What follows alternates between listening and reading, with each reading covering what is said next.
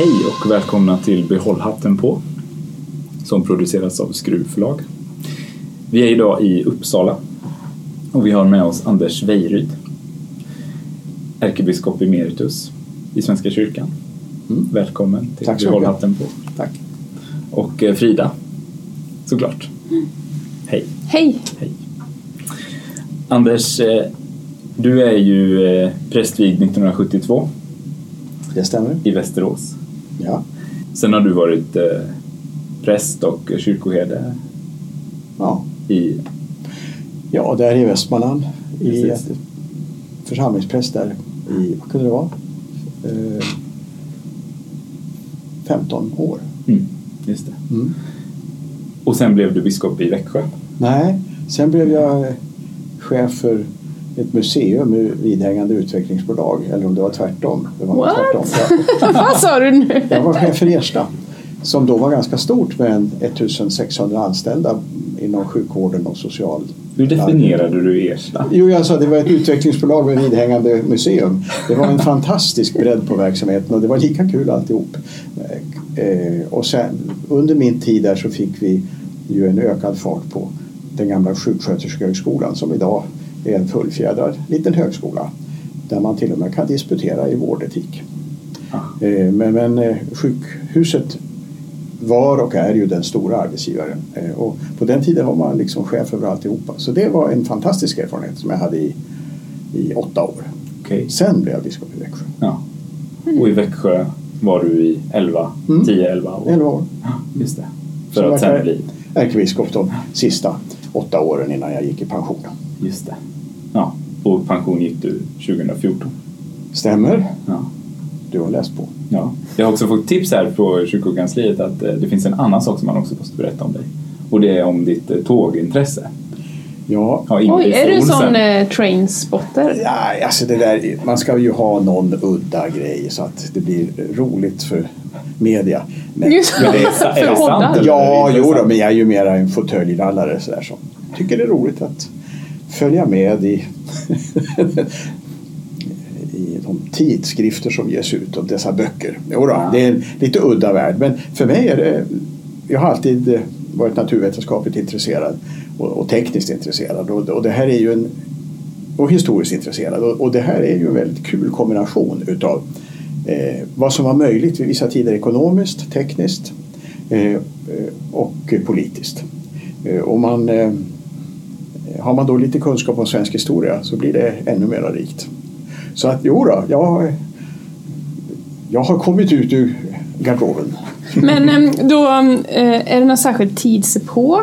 Särskild sorts Nej, de har ju inte haft tåg så länge. Nej, men, tänker, men det måste, apropå tekniska utveckling, Ja, måste det ha det. hänt Nej, en del? ja, det har ju hänt en del. Alltså, I Sverige så började ju i mitten av 1800-talet. Men det är alla tåg liksom? Ja, sen alla tåg. Ja, alla tåg. Alla tåg. Ja. Smala och breda, elektriska och ångande. Mm. Ja. Men även liksom modell... eh, Nej, Inte ja, nej det, jag är inte tillräckligt företagsam för det. Nej, okej. jag, tycker, jag är mera betraktare och tolkare. Och resenär eller? Ja, men det har ju, det har jag haft bra arbete för det tidvis. Ja, Ja. jag förstår ju det. Ja. Och, och nu som pensionär så är du fortfarande väldigt aktiv i Svenska kyrkan. Mycket internationellt. Ja, ja alltså, jag är president i Kyrkornas världsråd. Vilket ju är en jättestor organisation. Vi organiserar ju kyrkor med närmare 600 miljoner medlemmar. Och det är allt från ryska ortodoxer till pingstvänner. eh, Och allt däremellan. Eh, Och det är ju en väldigt speciell verksamhet. Det där är ju ett... eh, Jag har ju ingen beslutande funktion, det är ett hedersuppdrag. eh, Representativ funktion. För men- Europa. Eller? Ja, just det. Men jag Eller måste säga att jag, jag, jag, jag, jag, det är nästan så att jag har gjort det minsta i Europa. Det är mera Afrika och Asien faktiskt. Sen har jag länge varit aktiv i Augusta Victoria-sjukhusets styrelse i, i östra Jerusalem. Ett tag var jag också ordförande. Eh, och det var väl den här kopplingen mellan teologi och, och att ha varit sjukhusdirektör tidigare i livet. Men det har jag lämnat nu vid årsskiftet. Jag känner att skulle jag gå in en mandatperiod till då blev jag 76 år och gamla kunskaper har jag då också. Hoppas att någon annan kan skola in sig i det där för det är en fantastiskt viktig uppgift att eh, finnas i det palestinska samhället som sviktar på så många områden. Och bedriver sjukvård. Ja, ja, det är ett jättestort sjukhus alltså. Mm. och eh, det är ju det är deras Karolinska fast det funkar bättre. Eh, det, det finns tre strålkanoner i Palestina och alla tre står på Augusta Victoria. Eh, och det, är ju högkvalificerad vård. För människor som är fattiga får samma sjukdomar som vi. Och dessutom så är det mycket annan högkvalificerad vård där. Men i ett samhälle som sviktar så, och det beror ju naturligtvis väldigt mycket på spänningarna med Israel men också på att man inte får någon ordning själv på sin politik så är det oerhört viktigt att några satsar på sådana här grundläggande humanitära saker och det har vi gjort i det där sjukhuset. Ja. Sen har jag lite gudstjänster då och då. Jag bor mycket i Skinnskatteberg så där brukar jag predika en gång i månaden okej. Och så i domkyrkan här i Uppsala lite grann. Och nu senast i Göteborg. I. Ja, just det. Ja, Ja.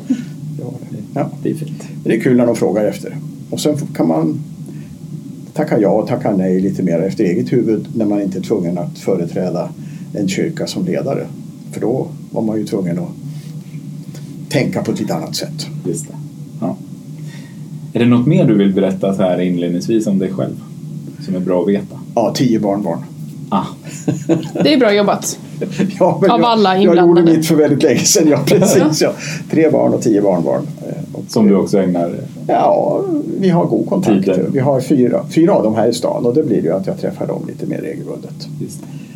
Finns hemma någon gång. Många Varannan vecka. Ja, vi delar på det min fru och jag så varannan vecka. Just det. Ja, och sen är jag gift med Kajsa som alltid har jobbat inom skolan och oftast som chef och ledare och det har varit en fantastiskt bra kombination att vi har haft eh, ledaruppdrag båda två. Men eh, jag i kyrkan och hon i det vanliga samhället. Det har, tror jag, stärkt oss båda. Ja. Mm. Frida då? Vem är du idag? Alltså, Den ständiga frågan. jo, jag är så sjukt smart idag. Du? Förstår ni? Hur har det... För att jag har hittat kreti och pleti i Ja, Bibeln. I Bibeln, ja just det. Alltså jag känner mig så nöjd. Berätta, var hittar man det? Andra Samuelsboken 15. Kollar du på Google eller? hur Nej, du? jag satt och läste. Förstår ni? Jo, För jag mina förstår. studier. Ja, ja. Och såg det i en fotnot och tänkte så här. Mm. Detta är ju kreti och pleti. Det. Jag tycker Är det personer? Nej, eh, folkgrupper Folkgrupper. Ah. i krig.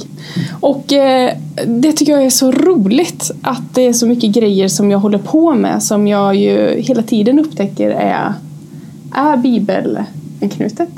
Men det har inte jag kunnat innan för jag har inte läst så mycket. Så att jag känner mig så jättesmart idag. Åh, vad bra. Ja, vilken tur att Ja. vi spelar in just idag. Så det inte var imorgon. Jo, precis. Eller igår. Ja. Fint. Mm. Till behållaten på så blir man ju ombedd att eh, ta med sig en tes Ja. som man har med sig eh, genom samtalet och som vi sen ska spika på slutet.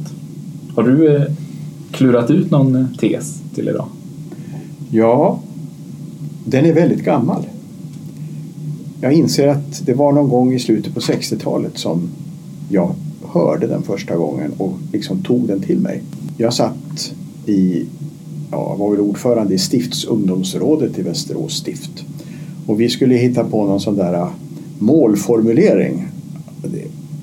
Det är ju alltid väldigt smal, eller kort steg mellan äh, strunt och någonting riktigt bra. och där var det en gammal präst, han var nära pensionen då, när vi skulle prata om vad det här kyrkans ungdomsarbete handlade om. Och då sa han, men kyrkan är till för att hjälpa oss att se hela livet i trons perspektiv. Och det där tyckte jag var så befriande för jag hade just börjat läsa teologi i Uppsala 68 och, och många förväntningar hade ju väckts under Kyrkans världsråds generalförsamling sommar 68 och en kyrka som verkligen levde i relation till samhället. Och sen så hade jag grottat ner mig där på, på teologen eh, med en massa andra studenter som verkade väldigt ointresserade av eh, någonting annat än kyrkan. Och som ordförande i stiftsrådet tänkte man att man måste ju hitta på något bra om hur de här ungdomarna ska bli bra för kyrkan. Och då var det så jätteskönt att höra den här gamla präst säga kyrkan ska hjälpa oss att se hela livet i trons perspektiv. Och det där har jag sällan sagt ut, men då och då i livet. Eh, för jag har märkt att det, det är någonting jag tycker är viktigt och som jag har försökt att arbeta efter. Tack för den. Vi bär med oss den. Du var ju ärkebiskop eh, i Svenska kyrkan under en tid eh, som denna, i teman som denna podden rör kring normer och hbtq när man 2009 tog eh, beslut om att vidga äktenskapsbegreppet i Svenska kyrkan. Hur var den perioden för dig? Ja, den var ju lite spännande. Jag gjorde en egen resa. Den var säkert präglad både av att jag inte eh, har så stor lust att och, och provocera folk. Eh, och att jag i grunden nog är en sån där riktig liberal. Alltså. För eh, jag, jag förstod aldrig att det var så hemskt viktigt det här med äktenskap. För jag tänkte folk lever ju ihop som de vill i alla fall. Men det är klart att vi vill be Gud om hjälp för att hålla ihop och, och, och, och vi behöver den där relationen för att, eh, för att förstå den, vilken möjlighet till närhet det ligger i förtroendefulla relationer mellan Gud och människan och mellan människor emellan och så. Eh, nej, så jag, jag trodde att, att man skulle kunna se allting som partnerskap. Eh, men man kunde kalla det för äktenskap om det var eh, män och kvinnor som var inblandade eh, eller en av var. För, att, eh, för jag uppfattade nog det liksom som ett specialfall utav partnerskapet. Men det var ju en helt eh, hopplös eh, inställning. det, det kom också något annat förslag där precis innan var det livsgemenskap? Ja, just det. Jo, jo. Och de där kändes ju inte så... Nej, men det kändes lite grann som att man skulle spela bort korten. Mm. Eh, för, för mig... Eh, jag är väl också då påverkad av det här protestantiska idealet att detta är inte självklart en religiös fråga hur man reglerar människors samliv. En religiös fråga är att du ska älska din nästa som dig själv. Och en religiös fråga är att du ska kunna lita på dina närmaste. Och så. Men själva organisationen, alltså det kunde väl staten bestämma. Eh, sen förstod jag hur oerhört viktig själva termen var för människor som hela tiden har känt sig som trängda utanför, osedda. Och, och, då, med, och då var det inte så, så svårt att, att byta fot. Jag vet inte, det var någon gång under början av min tid som ärkebiskop. Det var väl eh, en del som, som tyckte att jag hade de hade nog trott att jag var mer traditionell eftersom jag hade velat värna det här partnerskapet som en sorts övergripande grej. De hade nog tänkt att det skulle vara en smitväg men, men det var inte så jag tänkte.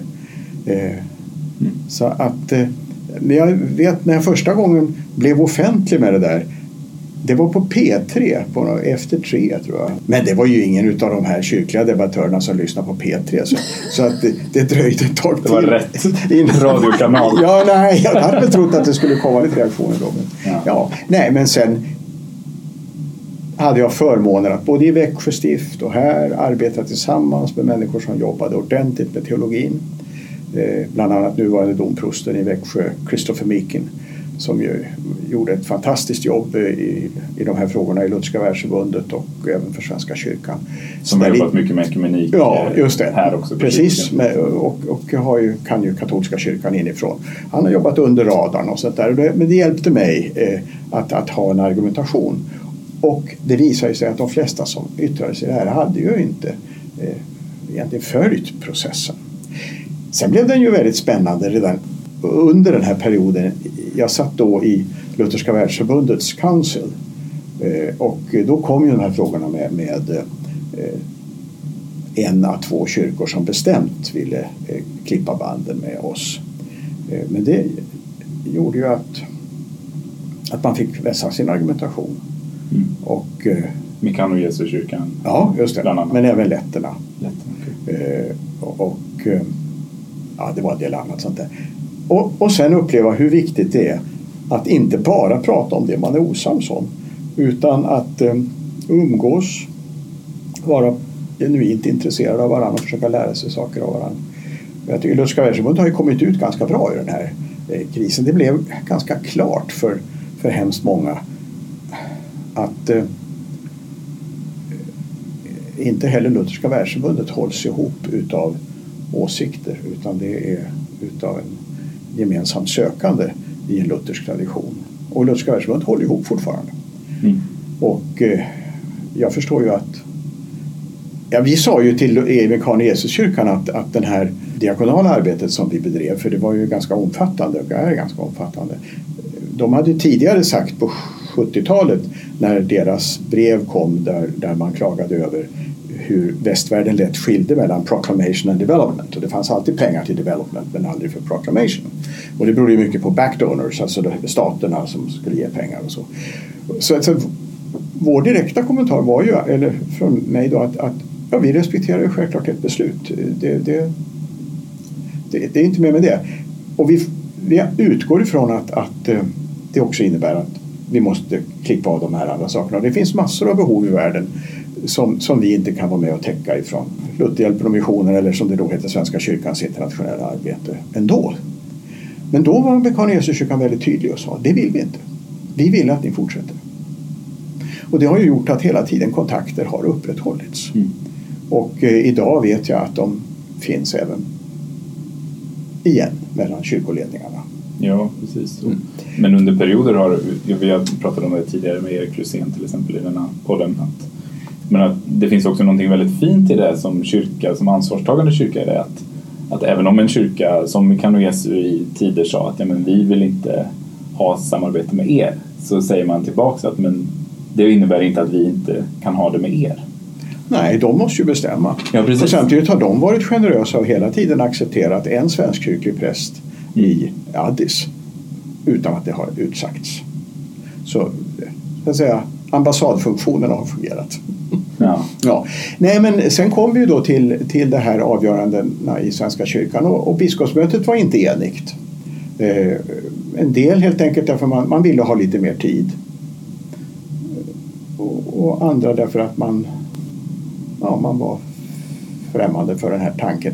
Men det var ju ingen sån där, det var ju ingen osämja i biskopsmötet. Och det kan vi väl verkligen säga om Svenska kyrkans biskopsmöte att det har länge varit en väldigt trivsam plats där biskopar har kunnat mötas i förtroende. Eh, det fanns delade uppfattningar eh, och eh, vi kom till det här beslutet.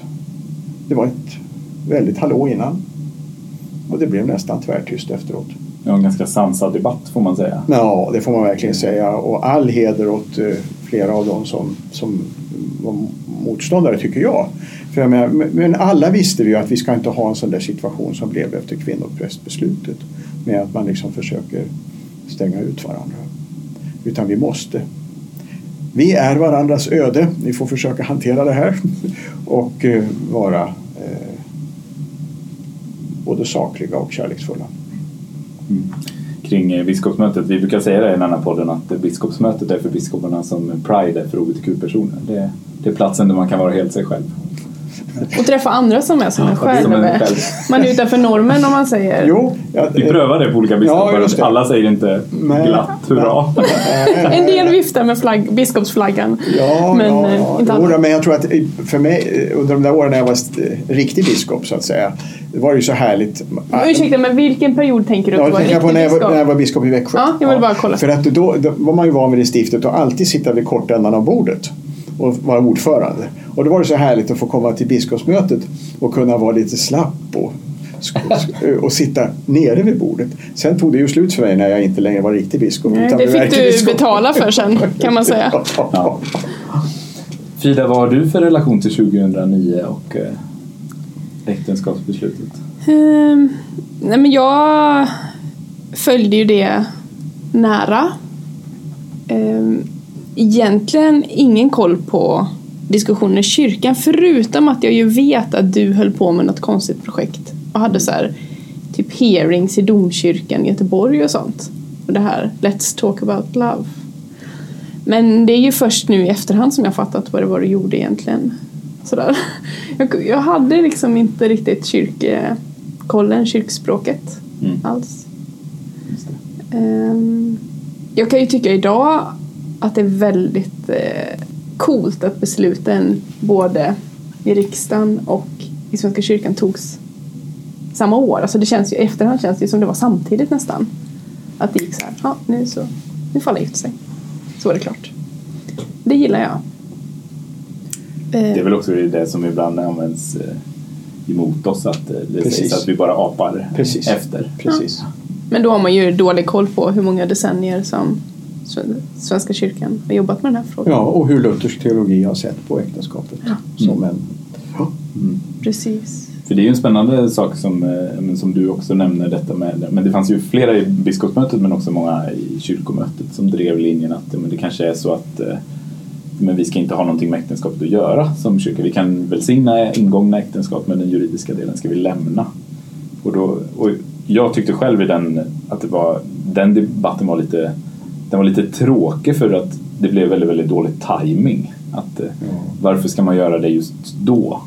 Eh, Ja, och dessutom så hade man ju haft kvar problemet. Här kommer det ett äkta par som är av samma kön och vill bli välsignade i kyrkan. Precis. Men det pratar man aldrig om där och då. Nej, men det var, ju, det var ju så uppenbart att det inte skulle funka. Nej. Det var ju ingen väg ur problemet. Och en sak som dök upp hela tiden var ju att vi skulle ekumeniskt eh, bli så isolerade. Och det är klart att det är ett fåtal kyrkor som har valt den här vägen. Än så länge. Och- Och alla kommer väl aldrig att göra det. Det skulle jag absolut inte tro för kulturer ser olika ut. Men eh, min bild, är klart nu är det det att jag har blivit allt mer ekumeniskt engagerad under livet. Men vi är extremt ekumeniskt intressanta eftersom vi har vågat föra den här diskussionen. En diskussion som börjar föras i vissa kyrkor och eh, till och med i, i den ortodoxa kyrkan i USA är, är den ju, förs den ju nu. Eh, men eh, det isolerade oss inte därför att alla kyrkor lever i, i samhällen och eh, vi behöver ta varandras erfarenheter och vända och vrida på dem. Jag tänker också att det är alltid den som går före får ju mycket smällar kanske och så men det är ju en enorm kraft till alla andra individer och organisationer Mm. som kämpar inom sina respektive sammanhang. Därför att om någon har gjort det så, så, så går det ju uppenbarligen. Ja, om Ja, vi, var ju inte, vi var ju inte ensamma heller. Jag menar, eh, vår systerkyrka i USA ungefär Mm. samtidigt. En del tyska Landeskirchen var ju också väldigt öppna. Så jag menar, det, var, det var en baltisk kyrkoledare som var sur någon gång och sa att, eh, att eh, vi gillar inte vad ni gör, ni svenskar, men ni talar om det. Vi gillar inte vad ni gör, ni tyskar heller, för ni säger inte ens. Nej, just det. men det, var- det var gott humör i alla fall. Ja. Men du, Erik, kan inte du berätta om det här projektet? För Let's Talk About Love. ja, eftersom vi har Ja. droppat det lite nu. Det var ju ett projekt som Rikseko drev eh, 2008-2009 i kyrkovalet egentligen. Så det var egentligen inte för att Aha. kyrkomötesbeslutet togs ju av det avgående kyrkomötet. Visst var det säga rätt nu? Det, det, det minns jag inte, men det var det säkert. Jag tror att det var kyrkoval 2009. Okej. Så att det blev en ny... Liksom så att valet hade egentligen ingenting med beslutet att göra för att Nej. det var inte de som skulle välja det, för det var redan valt då. Ja, men det, det handlade om att uppmärksamma eh, äktenskapet i det valet som kom, för att då var man ju inte säker på att det skulle bli detta. Eh, det fick ganska mycket, framförallt kanske på västkusten, eftersom vi var lokaliserade där. Det var eh, ju Gunnar Bäckström som var Riksekos ordförande då, eh, som också drev det tillsammans med mig. Eh, Och det var, ja, men det var roligt. Det var, det var roligt att jobba med kyrkopolitik på det sättet. För att det är, ju, det är lite speciellt med en sån väldigt, väldigt stor kyrka som är väldigt, ja, men som är helt styrd av folkvalda. Och hur det på ett väldigt spännande sätt går att påverka på något sätt utifrån det. Till skillnad mot om man ser en, en min, ett mindre frikyrkosamfund till exempel. Börjar man då försöka påverka utifrån som inte är än i mitten av det så händer det någonting och det är oftast tänker jag att man stänger ute istället och säger att det där har inte med oss att göra. Nej, jag, under min tid som ärkebiskop minns jag att det var någon eh, doktorand från Harvard som eh, skulle intervjua och, och han sammanfattade den ungefär så här att det som naturligtvis skiljer er kyrka från väldigt många andra är att är det en fråga i samhället så är det också en fråga i kyrkan. Medan andra kan göra en tydligare boskillnad. Sen är ju inte vår kyrka helt styrd utav Nej. medlemmar. Ja, det kan, man kan väl ändra kyrkoordningen så det blir det men, men så, så Just är det ju inte nu. Alltså, och dessutom så har ju faktiskt vi under de här mina år som ärkebiskop så, så smög några duktiga och kloka personer in en bestämmelse som gör att eh, faktiskt biskopsmötet har veto i teologiska frågor. Mm. Vilket man ju inte hade förut. Så att eh, den är... Sen kan man ju fundera över att om biskopsmötet använder det vetot ett par gånger så kanske de avskaffar biskopsmötet. Men jag menar vi... Just det, man får använda det varsamt. Ja, ja, ja, ja. Alltså, det är klart, allting bygger ju på tro och engagemang i grunden. Men sen kan man ju säga att det, det är ju förtroendevalda som har makten men för den som söker sig till en eh, församling för att gifta sig eller då... Då ser man inte röken av någon förtroendevald. Nej, nej, men då är det ju verkligen prästens eh, makt som, Absolut. Så är det ju som verkligen. avgör. Absolut. Ja. Mm. Det som var fint dock också i beslutet 2009 var ju den majoritet som det ändå fick i kyrkomötet. Det var väl över 70 procent Jo. ja. Och Det var när- ändå väldigt glädjande. Och när det i det nya kyrkomötet togs upp att man skulle titta på beslutet Riva upp gång, det. så blev majoriteten ännu tydligare. Ja, så det är väldigt bra. Mm. Eh, du nämner lite din resa. Eh, vi brukar ibland prata om att eh, den typen av resor behöver vi prata mycket mer om. Olika resor som vi gör från en ståndpunkt till en annan eller från en, ett fokus till ett annat fokus. Eh, vad, var, vad var det viktigaste i din resa där? Från innan och efter kanske äktenskapsbeslutet. Att kyrkan ska ge människor bästa möjliga skäl för och hjälp till att hålla ihop kärleken och sexlivet. Vem var det som sa det till dig då? Eller hur? Men om det var Gud? Ja, det kan det ju vara. Det kan- ja. Men det kan ju också vara människor som man Ja. möter Ja, eller argument man hör eller livs, eh, människors livserfarenhet. Eller.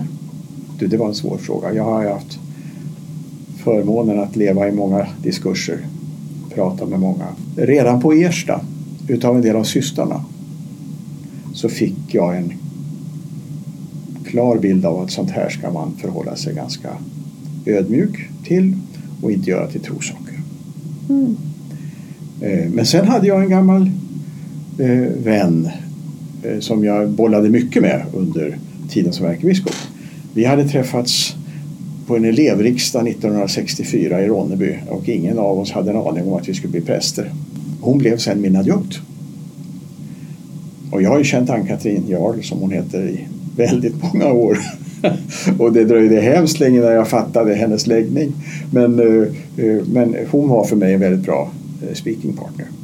Som heller inte tillhör de här som absolut skulle ha äktenskap. Men man ska ha ett skydd från samhällets sida för en samlevnad mellan människor av samma kön. Vad tänker du då? Behöver vi prata mer om äktenskapet? Idag? Och relationsformer och... Nej, vi behöver väl hjälpa varandra till att ha bra liv. Men alltså, så fort kyrkan pratar om någonting sånt där så blir det ju så lätt fel. Men vi ska stödja människor som hamnar i, i utmanande situationer. När man försöker eh, leva efter kärleksbudet på allvar. Vare sig det gäller att man har blivit med barn när man inte ville det eller, eller om det är vem man vill höra ihop med. Sen är jag ju liksom övertygad om att det är väldigt svårt att hitta den där exklusivt nära gemenskapen med mer än en i taget. Det blir ju väldigt eh, lätt ojämlikt. Så du är inte riktigt inne på polyrelationer än? nej, jag, Nej. nej, nej. En ja, men jag menar, vi gör, vi gör alla Nej, jag- resor i detta. Ja, det måste men jag, man jag, har väldigt, jag har väldigt svårt för att tro att jag skulle kunna hitta några skäl för att göra en sån resa. Vi, vi tänker ibland kring polyrelationer och hur vi ska lyfta det eh, i denna podden. Och, Mm. eh, För att jag, jag tror inte heller att, att kyrkan alls är där. Vi är inte ens i närheten tror jag. Men, men däremot så tänker jag att om det finns människor, precis som alla frågor gäller, liksom, om människor som lever i de, den typen av liv finns i kyrkan Ja. så måste kyrkan vara öppen för samtalet eh, och kanske lyssnandet. Ja. Och, Ja. Sen behöver inte det innebära att man säger ja. Nej. För det tänker jag, det gällde ju homosexuella under hela, Ja. ja men under i alla fall kanske 60 och 70-talet innan de liksom stora, även om Holsten Fagerbergs bok kom på början av 70-talet så, Mm. Så var det ju en enorm utsatthet Absolut. som man lyssnade till. Men hur, men hur vet människor i polyrelationer att jag kan gå och vara i kyrkan, leva i kyrkan och samtala med människor i kyrkan om inte kyrkan är tydlig Mm. med vad man... Det kan man ju inte veta. Nej. Så då i princip så säger vi ju, eftersom vi inte säger någonting, eftersom vi inte aktivt inkluderar så exkluderar vi. Ja, jag, är inte, jag är inte säker på att, att det är så enkelt. Nej. Därför att jag, jag, jag, jag, tänker att, att är klart, där är jag ju barn utav, utav eh, 1900-talet och det sena 1800-talet. Men jag, alltså, den här jämställdhetslängtan, klarar man den i en sån där exklusiv relation där det är flera personer? Alltså det, det är någonting utav det här med den absoluta jämställdheten som man längtar efter. Som äktenskapet väldigt sällan har levt upp till, tror jag. Nej, jag tänker att Särskilt äktenskapet är väl inte den formen som vi Nej, kanske särskilt, ska särskilt sträva inte efter. under den ska säga, borgerliga tiden med, med eh, hemmafrutiden och så. Men eh, kanske mer i en del av bondesamhället och kanske mm, och, och i vår tid önskar man ju att det ska vara det. Så det är för mig ett, ett stort problem. Mm. Men ehm, om människor lever i de här relationerna, upplever de som jämlika? Ja. Då, fast Jo. då behöver man kanske inte komma till kyrkan och prata med någon heller. Nej, det, Vi ska hänga kvar lite i de här eh, resorna. Eh, vad, behöver, vad tar man med sig då? Oavsett om de handlar om eh, äktenskap eller om de handlar om andra insikter så där, från ett, eh, ett fokus till ett annat. Vad är viktigt i de processerna? Vad tar man med sig för livet och för andra sådana tillfällen som kommer att komma? Om det så handlar om poly eller om det handlar om eh, våga ha en åsikt och våga prata med dem som har en annan åsikt. Mm. Och eh, eh, försök, eh, ja, även om det kan vara jobbigt, rannsaka de egna argumenten och de andra. Och se till att man har folk att umgås med så att man inte blir fast själv med det hela. Ja. Och jag tar nog med mig någon slags ödmjukhet för att jag vet inte vad som händer sen. Det här, så här ser mitt liv ut nu.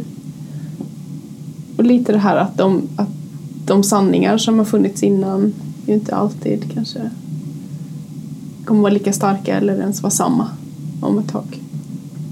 Men det är väl är också för att man inte är 22 längre och...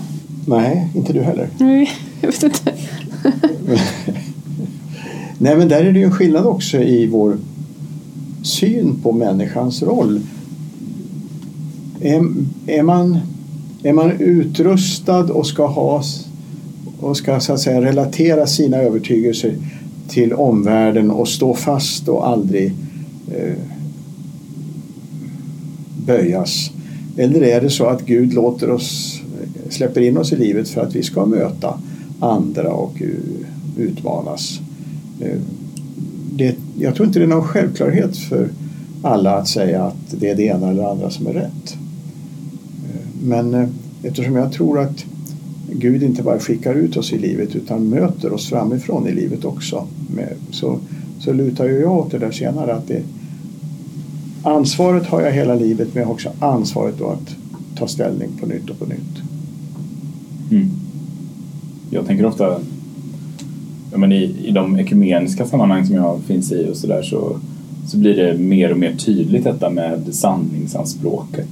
Jag tycker jag har lärt mig mycket av den queera teologin i det. Att, ja, men som i, i många fall säger att ja, men, om man säger att man har en sanning här eh, om, man då, om det inte då finns en öppenhet kring att överhuvudtaget ifrågasätta den sanningen eller kanske ens berätta hur, hur har denna sanningen kommit till eh, så blir det väldigt svårt men, men bilden av att, ja, men, att jag inte heller som kommer med en ny tanke kommer och säger att men, detta är den nya sanningen utan att det är faktiskt också så att vissa saker kan faktiskt samexistera och det, det är ju, det är ju vår kyrka ett uppenbart exempel på kring ja, men, äktenskapssyn och kanske tyvärr eh, Nattvardssyn. Ja. ja. Nej, men, och det tror jag vi behöver mycket, mycket mer av. Liksom. Ja. Men det kräver ju då ett ödmjukhet hos oss. Ja, men så är det ju. Och det är ju jättesvårt. Jo, säkert om man vet att man har rätt. Precis. Man vet att man har sanningen. Precis. Ja. Gäller de här tipsen också i när det är liksom djupt eh, och kanske också svåra teologiska frågor? Ja, det tycker jag. Mm. Men eh, jag har aldrig jag har aldrig ställts i såna här... Inför en svår teologisk Jo, fråga? jag har aldrig ställts inför teolo svåra teologiska frågor utan att leva i en eh, gudstjänstsed. För mig är det oerhört viktigt att eh, leva i den där eh, självklarheten att delta i gudstjänsten. En, en, eh, alltså riten är ju laddad med bibelord men den, den är, sätter inte upp ett staket utan jag får stå nära riten.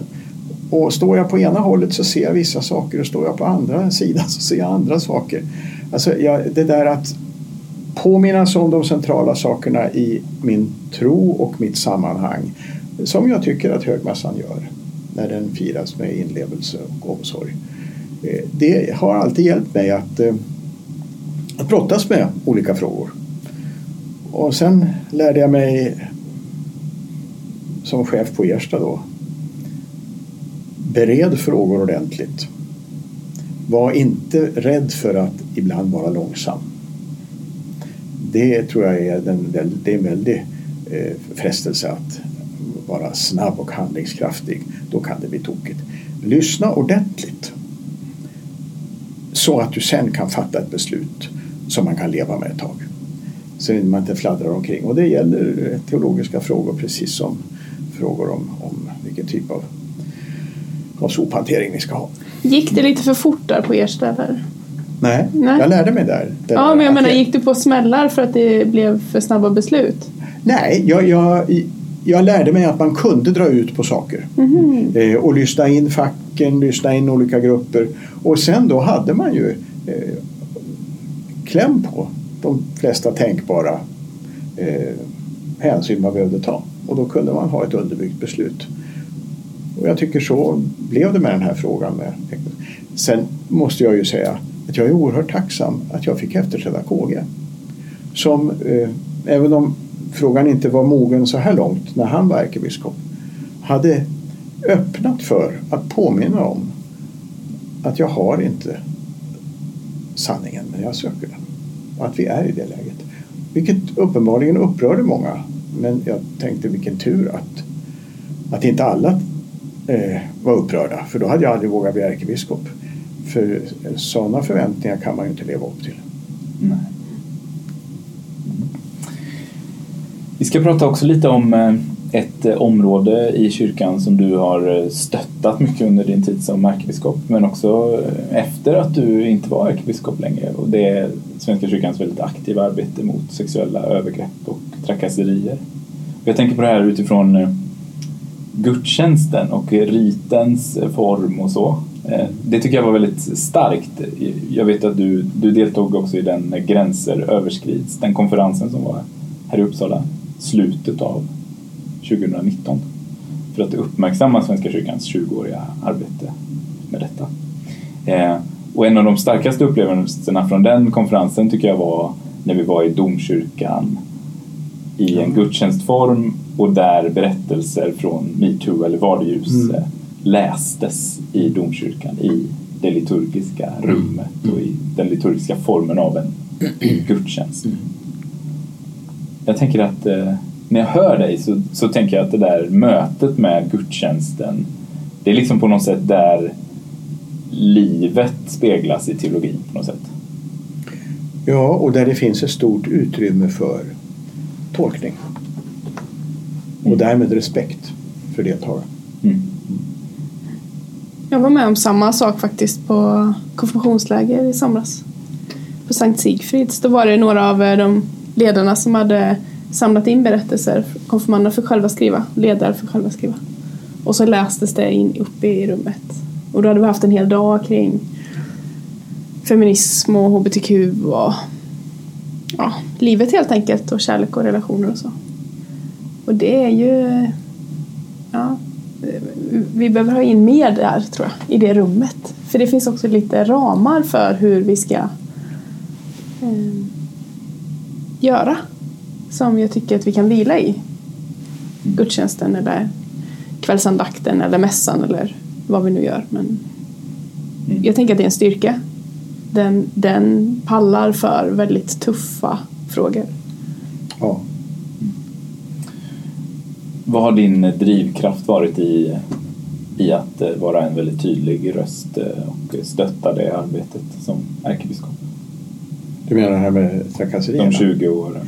Ja, det var ju så att, att eh, Svenska kyrkan var ju bakbunden i alla sådana här disciplinära frågor fram till 2000. Eftersom eh, eh, alla sådana här ärenden ytterst behövde gå till en statlig förvaltningsdomstol. Och då hade man ju inte som... Ja, det skulle vara väldigt flagranta saker. Och det, och det var ju ganska motigt även med läro, eller det var ju mycket motigt med lärofrågor också. Sen hamnade vi då, jag, det var under den tid jag var biskop i Växjö när vi, de här nya relationerna kom 2000. Då fick vi ju ett eget ansvar för disciplinära frågor. Och hur hanterar man det med rättssäkerhet och tydlighet? Och jag hade förmånen att få samarbeta med eh, en stiftsjurist i Växjö som nu är sekreterare för kyrkomötet, Bengt Stigner, eh, som var utomordentligt engagerad också i de här frågorna. Eh, eh, och så hade vi eh, en domarledamot i domkapitlet som också var det. Och det gjorde att vi ordentligt fick liksom jobba igenom en, en processordningen. Eh, vi hade ju inte tänkt på det förrän det hände saker. Och det var ett par saker som hände och det var en... Ja, så det var... Eh, eh, nej men då när man mötte de här som hade blivit utsatta. Jag menar... För ni ställdes inför Ja, faktiska ja, människor ju, som hade blivit ja, ja visst, det var ju de som ringde. Och de som, så, så, man måste ju hantera det. Eh, Och den som är på uppsidan vet sällan om sin makt. Och den som är på nedsidan känner det i hela varelsen. Och här handlar det om att bringa balans. Eh, Så att vi fick eh, ett par ärenden väldigt tidigt eh, och, och, ja, som gjorde att, att vi kanske hade lite kunskaper att dela med oss till andra stift. Och, och så kom det igång det här nätverket och då var det ju naturligt att, att jag var engagerad i det från början. Så Växjö stift var lite före där, skulle du säga det? Ja, dess, dessvärre.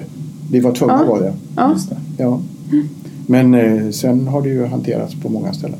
Och, och det, eh, det finns ju säkert mycket, det finns mycket att göra med det här eh, sen också. Och jag får säga att som ärkebiskop så eh, ägnade jag mig inte så mycket åt det. Det ska andra ha äran åt. Men jag hade äran av. Men jag hade en, eh, eh vår teologiska sekreterare eh, Lena Boman eh, var ju hela tiden engagerad i det. Och vi, vi hade samma fikabord så att vi kunde stämma av. Just det. Jag vet att eh, du Frida också har en eh, ingång, ett av eh, de verktyg som Svenska kyrkan idag har för att förebygga detta är trygga möten Mm. som är framtaget i scouterna som nu Svenska kyrkan också kan använda sig av. Mm. Berätta. Ja, men jag var internationell sekreterare eh, i scoutrörelsen 2003 kanske? 2004. Och då um, kom det från Eh, scoutrörelsen är ju fortfarande uppdelad i flick och pojkscoutrörelse i världssammanhang och regionala sammanhang. Och vi i Sverige har samkört då fast vi är medlemmar i olika världsorganisationer sen ganska länge. Eh, men då kom det från, eh, jag tror att det var det så kallade pojk, Europeiska pojkscoutsregionen. Att man eh, uppmanade alla nationella scoutförbund organisationer att ta fram riktlinjer och arbete mot sexuella övergrepp. USA och Storbritannien låg ganska långt framme. De hade ganska tydliga regler redan så här att ledare får inte sova med barn. Sådär, va? Det var ganska, man får inte duscha samtidigt. Och, ja. Man får inte vara ensam ledare med barn. Och så, väldigt eh, tydligt. Och detta eh, var jag med om eftersom jag jobbade några år i, i Schweiz på det här internationella scoutcentret och vi hade scouter från hela världen som kom dit. Så när det kom scoutgrupper från olika länder så hade de olika regler på hur Så de fick bo. reglerna. Ja, då bytte reglerna. Exakt. Det hände och samtidigt så ett av, eh, en, en av de scoutrörelserna som finns i Sverige är ju kopplat till Frälsningsarmén.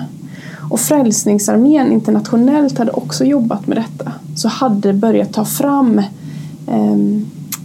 ett ledarmaterial och hade kommit ganska långt internationellt. Så Frälsningsarméns scoutförbund hade också påtryckningar på sig liksom, till Sverige. Och då började man ta fram det. Och jag, jag var ju inte, jag jobbade ju med internationella frågor och stöttade i internationella sammanhang men jag, följde, jag var den enda som var anställd då på scoutrådet. Förutom två journalister som jobbade med tidningen. Så jag eh, såg processen, så jag var med i början när man tog fram det. Eh, och sen har jag också varit med i, eh, alltså varit ledare och funktionär i flera av de stora, till exempel 2007 när eh, ett av de, Sveriges eh, nationella läger var eh, Jingi Jamboree. Och då utbildades alla vuxna i Trygga möten som kom dit. Och, och då, är, då snackar vi så här, ni vet, scouterna bygger upp en stad på 40 000 och så är man där en vecka och sen river man stan. Mm. Så det behövde ju också göras smidigt då. Hur utbildar man? Och 2007 då kunde vi ju utbilda via webb. Vad är grejen då med Trygga möten? Jag tycker att den tar ett brett perspektiv. Jag gillar att eh, scoutrörelsen inte har, eh, svenska scoutrörelsen har gått in i och var så här, åh det måste bara alltid vara två vuxna och man får inte sova ihop och gjort sådär. Jag har- ju förstått att eh, den, eh, alltså vill en vuxen person begå övergrepp så gör den det ändå. Så att det blir också så här, vart drar man gränsen för hur mycket regler man ska ha jämfört med hur, hur hittar vi ett sätt att umgås som är schysst. Men jag gillar också att, den inte, att Trygga möten inte bara tar så här, hur, vi vill inte att sexuella övergrepp ska gå, men det handlar också väldigt mycket om hur, hur tänker vi när vi har lekar med barn? Vad är respektfullt? Hur jobbar vi med unga ledare jämfört med inte så jättesmå barn? Att ni vet det här när man är ledare och man är 15-16 och så är deltagarna 13-14. Typiskt konfa-situation. Det, det blir läge för samtal kring hur gör vi då när en ledare blir förälskad i en konfirmand? Det. Den grejen finns. Och att alla ju inte tycker att det är så härligt att bara nu bildar vi hög! Som jag höll på med när jag var i Det scouterna. Ja, det är förbjudet. Men vi, jag höll på jättemycket sånt när jag gick i scouterna. Och jag hade inte ont av det då, men jag, jag kan tycka att jag fattar att människor hade det. Det, är upp, det kan man ju bara vara- utgå ifrån att människor slutade för att det var en sån kultur. Ja. Tänker jag. Så det tycker jag jättemycket om i Trygga möten. Jag tycker det är anmärkningsvärt att eh, Svenska kyrkan inte har tagit sig an detta förrän nu. Men jag är väldigt glad det. Jaha, säger du det? För jag tänkte för de här instruktionerna vi gick ut med då i början på 2000-talet, 2002, 2003 om det här med konfirmander och så med ja, typ duscha och, och hur man det kanske, det kanske klingade av liksom och så har det inte hänt någonting. Nej, men det ska ju också sägas då att jag inte har en aning om vad Svenska kyrkan gjorde nej, då. nej. Men det jag vet är att Trygga möten är bra. Så Nej. därför är jag glad för det. Ja, men det jag skulle vill inte... Nej, nej, jag vill vi ska inte, inte recensera men det är jättebra. Nej, särskilt, inte när man in, bara- särskilt inte när man inte vet ska man inte recensera.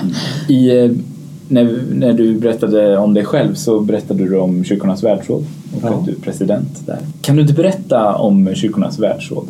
Vad är det för ett eh, sammanhang för den som inte vet det? Det är den stora organisationen i världen av eh, kristna kyrkor.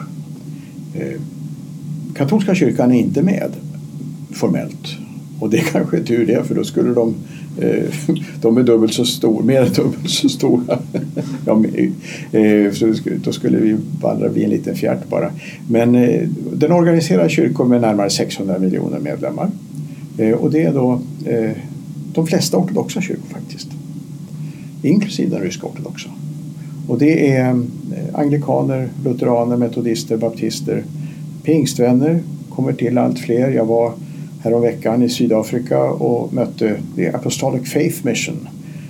En pingstkyrka med ungefär en och en halv miljon medlemmar som, eh, med 3000 församlingar som nu söker medlemskap. Och eh, vi har flera pingstkyrkor som finns med. Så det är en oerhörd bredd. Och det gör ju att man, man kan inte fira nattvard tillsammans och sådär. Men man kan ha stort utbyte av varandra och man kan, man kan så att säga lära sig av varandra. Jag kan säga att alla våra nattvardsliturgier som vi möter i Sverige idag i, eh, utanför ortodoxt och katolskt område är i högst, de skulle inte sett ut som de gör om det inte hade varit för en process i Kyrkans världsråd som kallas för BEM, Baptism, Eucharist and Ministry, eh, som, som plockade fram eh, motiven i vårt nattvardsfirande och sånt där. Eh, hela framväxten utav eh, mänskliga rättigheterna och FNs ställningstagande där gjordes ju nära eh, den ekumeniska rörelsen. Formellt hade inte Kyrkornas världsråd bildats då men en del av Kyrkornas världsråd som heter CCIA, Churches Commission on International Affairs, den fanns redan då och är ju högst en av de som bar fram det här eh, och också var med om att det skulle förankras interreligiöst. Eh, nej, jag ser det ju som en fredsorganisation. Mm. Eh, och idag så har vi ju en väldigt god kontakt med katolska kyrkan. Vårt förra centralkommittémöte som hölls i Genève kom faktiskt påven till. Och det det är lite ovanligt att påven kommer åkande till några protestanter. ja. Men vad, fin, vad är det för krav för eh, kyrkor som vill vara med? Treenige guden, mm. Jesus Kristus som frälsare. Mm. Men det är att man, ska, man, man kan inte vara unitarian, man måste tro på att Gud uppenbarar sig som Fader, Son och helig Ande. Mm. Eh, men sen är det väldigt brett över och det ska det vara och det ska kunna vara en fredsskapande organisation. Ja. Eh, vi, vi hade ju väldiga kriser för sådär en 20 år sedan i KV, Kyrkans världsråd alltså. Och eh, det ledde fram till att numera fattar vi inga majoritetsbeslut. Utan i principiella frågor fattar vi bara eh, konsensusbeslut. Vilket ju de flesta av oss som är parlamentariskt fostrade tänkte det här går ju aldrig. Men det har gått riktigt bra. Alltså det väcker ett engagemang hos varje deltagare att faktiskt hitta former, inte bara för att tala om var jag står, utan att hitta former för hur ska vi kunna finna en väg framåt. Kommer det att sprida sig till Svenska kyrkan också? Ekumeniakyrkan har, har faktiskt tagit upp det. Jag tror att Svenska kyrkan är så präglad utav eh, kommunalt och lite som en statsapparat. Ja, statsapparat. Jag, jag, tror att det blir lite svårt. Men, eh, alltså, men det, det påminner ju ganska mycket om det här förhållningssättet eh, vi tycker helt olika men vi måste ändå hitta någonting gemensamt. Alltså ja. Vi pratar innom förhållningssätt i svåra ja. teologiska frågor. Ja. Ja. Väldigt, mm. Den receptiva ekumeniken tänker jag är väl en, det är väl en stor fortsättning på det här. Ja. Just det. Mm. Nej men i det här då så, så har jag suttit i centralkommittén i rätt många år och exekutivkommittén ett tag. Eh, och sen blev jag då till min stora överraskning vald till en av de här presidenterna. Men du visste att du skulle bli vald? Nej, jag åkte till Busan som det var i Korea, nu är det ju många år sedan, 2013, för att tacka och, och det säga senaste goodbye. Det senaste generalförsamlingen. Vi har inte så mycket pengar så vi kan bara ha det vart åttonde år. Eh, och, eh, så jag skulle säga adjö, men så blev det så här. Så då fortsatte mitt uppdrag. Och det som jag ganska snart fick i knät eh, var att flera generalförsamlingar ända sedan New Delhi 1964 har bett om underlag för att kyrkorna ska kunna föra samtal om sexualitet, äktenskap, samlevnad. Men man har aldrig lyckats på riktigt få fram det. Eh, och nu hade man havererat igen och det hade ju inte blivit mindre komplicerat i och med det här med, med eh, eh, homosexualiteten som har blivit en så stor fråga på många håll i världen. Eh, så att nu under fem år är det väl, så har jag lett en väldigt bred grupp som har jobbat med det här.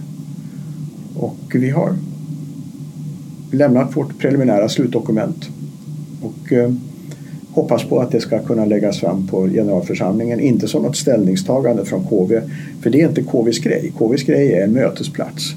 Men ändå att det ska vara ett tillräckligt allsidigt dokument för att eh, underlätta samtal som de flesta kyrkor inte ens klarar av att börja. Och om vi då kan börja det ekumeniskt så är det ännu bättre.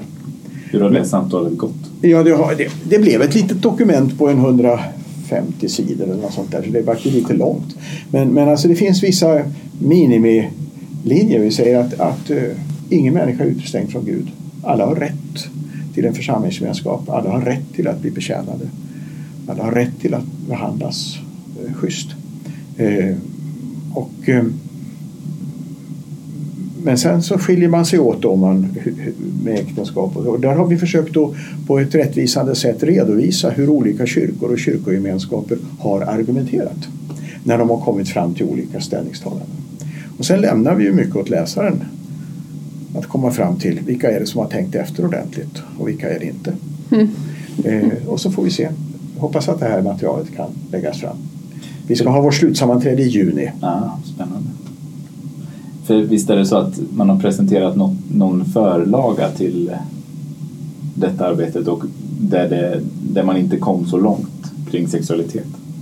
Tidigare ja. ja precis. Ja. Var det i Busan? Jag tror det var tidigare. Och nästa generalförsamling är i Tyskland? Den är i Tyskland. Det är första gången i Europa sedan ja. 1968. För då var det här? För, ja, just det. För, vi är ju en liten utkant i kristenheten idag. Och det är nyttigt att påminnas om det. Jag har varit ett par gånger i Afrika under mellanperioden. Ja. Men en fråga, för du sa katolska kyrkan är ju dubbelt så stor då? Ja, i, ja. och de har haft en representant i våra samtal också. Ja. Och så är det kyrkans världsråd, men finns det fler? Eh, liksom? Ja, det startades ju, eh, Billy Graham och några andra eh, startade ju Lausanne-rörelsen under, då är vi på 70-talet, när man tyckte att kyrkans världsråd blev för politiskt. Mm. Idag för så, lite Jesus eller vadå? Ja. ja. Idag är väl eh, de väl så politiska som kyrkans världsråd har varit. Eh, och, och de och finns vi, och växer de? Eller? Nej, jag tror att det, det, finns många som är dubbelanslutna idag. Mm. Men, men eh, de är inte lika stora. Inte alls. Nej. Men sitter vi, sitter Svenska kyrkan där som Svenska kyrkan eller sitter man via typ Lutherska världsförbundet eller Nej, sånt? som Svenska kyrkan. Som direkt, liksom. och Svenska kyrkan har varit med från allra första början. Eh, alltså rötterna är ju världsmissionskonferensen 1910 i Edinburgh. Eh, och sen Faith and Order som handlar om så, vad, vad, tror vi på och vad har vi för kyrkoordningar.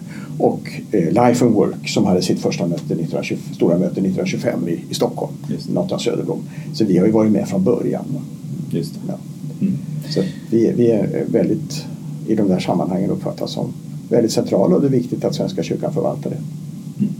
Vad har du för förväntningar till Tyskland 2021? Ja, att man ska att vi ska fortsätta en process som jag tycker känns som att den har börjat med att man talar mera väl om varann. Att man inser att vi är beroende av varann och att vi har en styrka i att vara kyrkor, och att lyssna på varann i olika kulturer.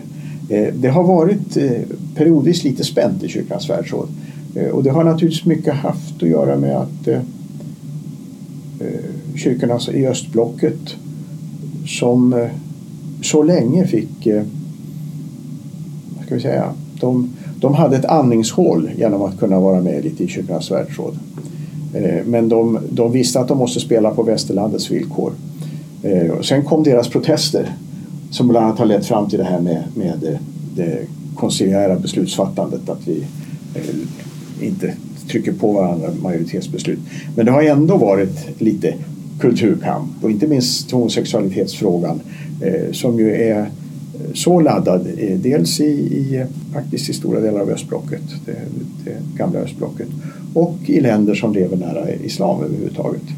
Eh, men, men det känns som att vi börjar kunna prata mer öppet med varandra.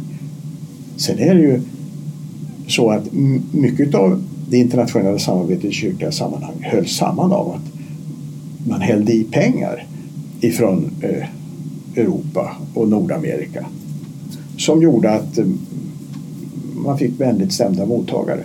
Det där pengaflödet är inte alls som förr.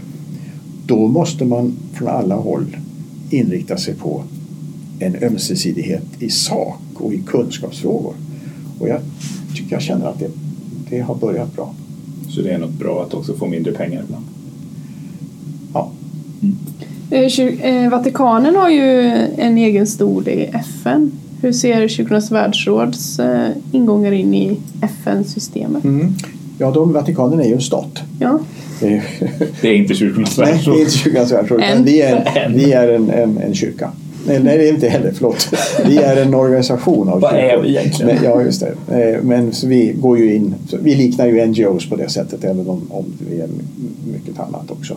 Nej, men det har funnits eh, goda ingångar och eh, Kyrkornas världsråd har ju haft sitt FN-kontor hela tiden under flera år, betydelsefulla år när det spottades upp igen så var ju Margareta Grape här från Sverige chef för det. Och kunde visa att det var inte bara konservativa evangelikala kristna eller den då ganska konservativa Vatikanen som kunde tala om vad kristna står för.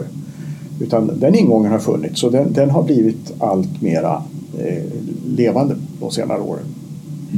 Det är ju det är en väldigt spännande koppling för i det rättighetsbaserade arbetet så, så är det ju ganska vanligt att eh, religion och tro glöms bort.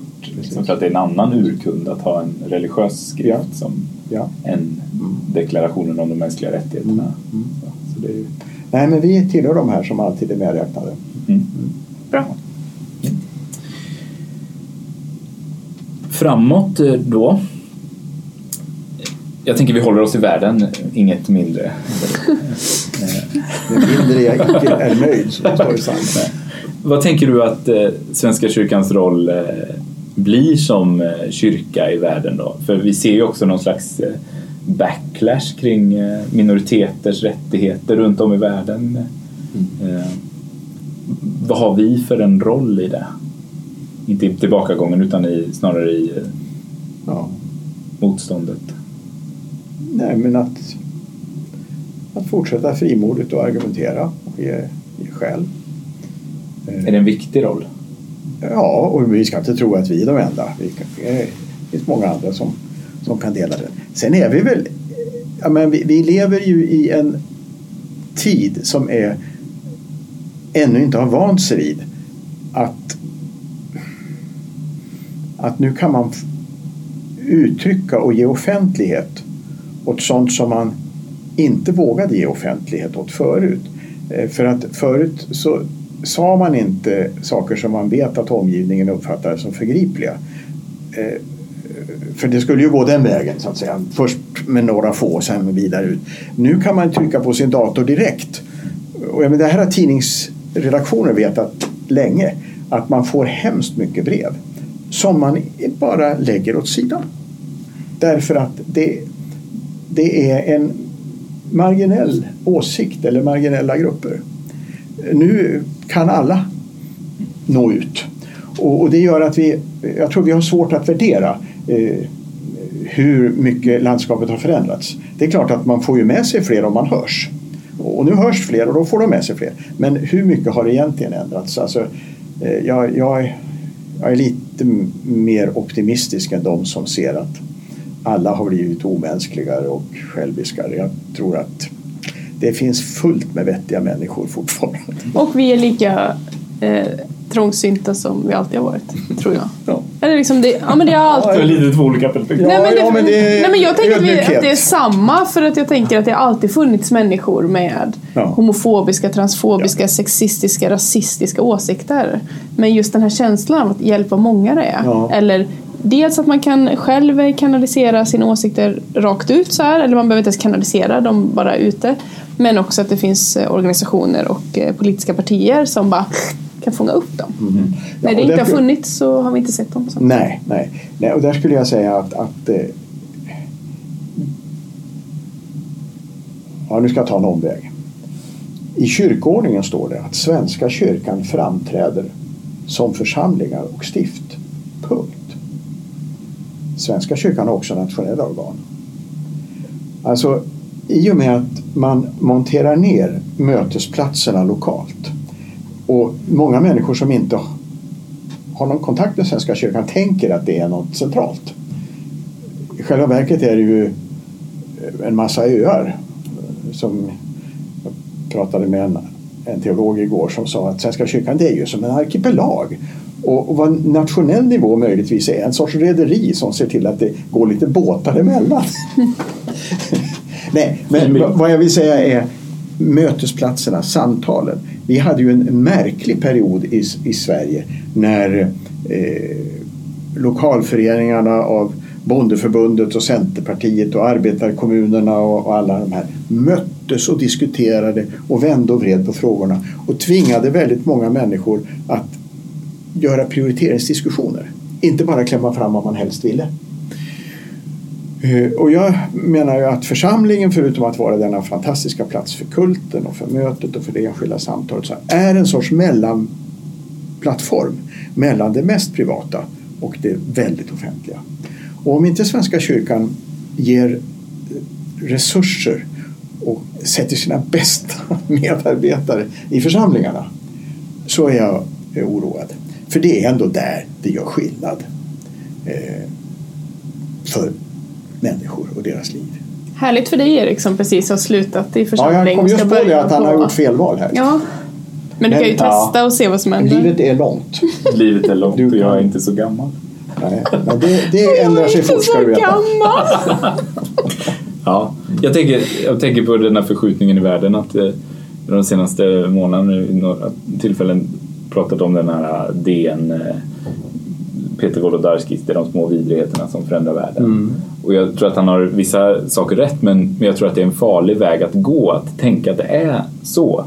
Utan att det är snarare de, det är de små kärlekshandlingarna eller de små hoppfulla handlingarna som förändrar världen.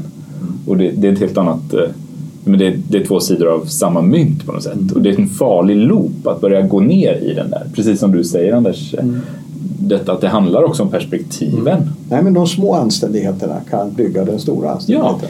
Ja. Som en god vän till mig säger, det du fokuserar på växer. Är det jag? Nej. det är inte du, då skulle jag faktiskt säga det Erik om det var du. Nej, det är Charlotte ja, Signal säger ja. det. Det man fokuserar på det växer. Mm.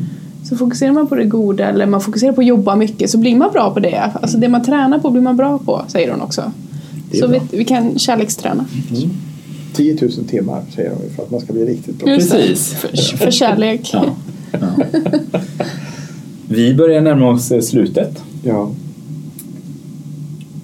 Din tes. Mm. Står den fortfarande? Den var ju också gammal så. Ja, ja, så den har inte har förändrats rubbats utav det här samtalet. eh, Ödmjukt. ja, just det. Nej, den här är så bra så den har hållit. Ja. Nej, men, Hur var det? Om, Kyrkans uppgift är att hjälpa oss att se hela livet i trons perspektiv. Och då menar jag inte i trons perspektiv utifrån vissa dogmatiska ställningstaganden utifrån, utan utifrån tillitens och förtröstans och sammanhangets perspektiv. Eh, och att om en kyrka inte är en kyrka för andra än för de som redan är inne i firman så eh, ja, om inte annat så tar den ju död på sig själv. Mm. Eller blir ett sorts frimureri. Och det kan ju vara uppbyggligt men, men, men det, kyrkans uppgift är större. Mm. Den, alltså, det kom en bok i slutet på 40-talet som betydde väldigt mycket för eh, samtalet i Svenska kyrkan som hette En bok om kyrkan. Som tur är skulle inte en sån bok kunna ha framgång idag. Däremot så noterar jag med glädje att eh, forskningsavdelningens bok här som kom för några månader sedan som heter Samhällsteologi den har slått slut. Och det behöver vi tänka i den riktningen. Samhället behöver teologi och teologin behöver samhället. Tack så mycket Anders okay. för detta samtalet. Tack Frida. Tack Erik. Tack. Hej då. Hej då.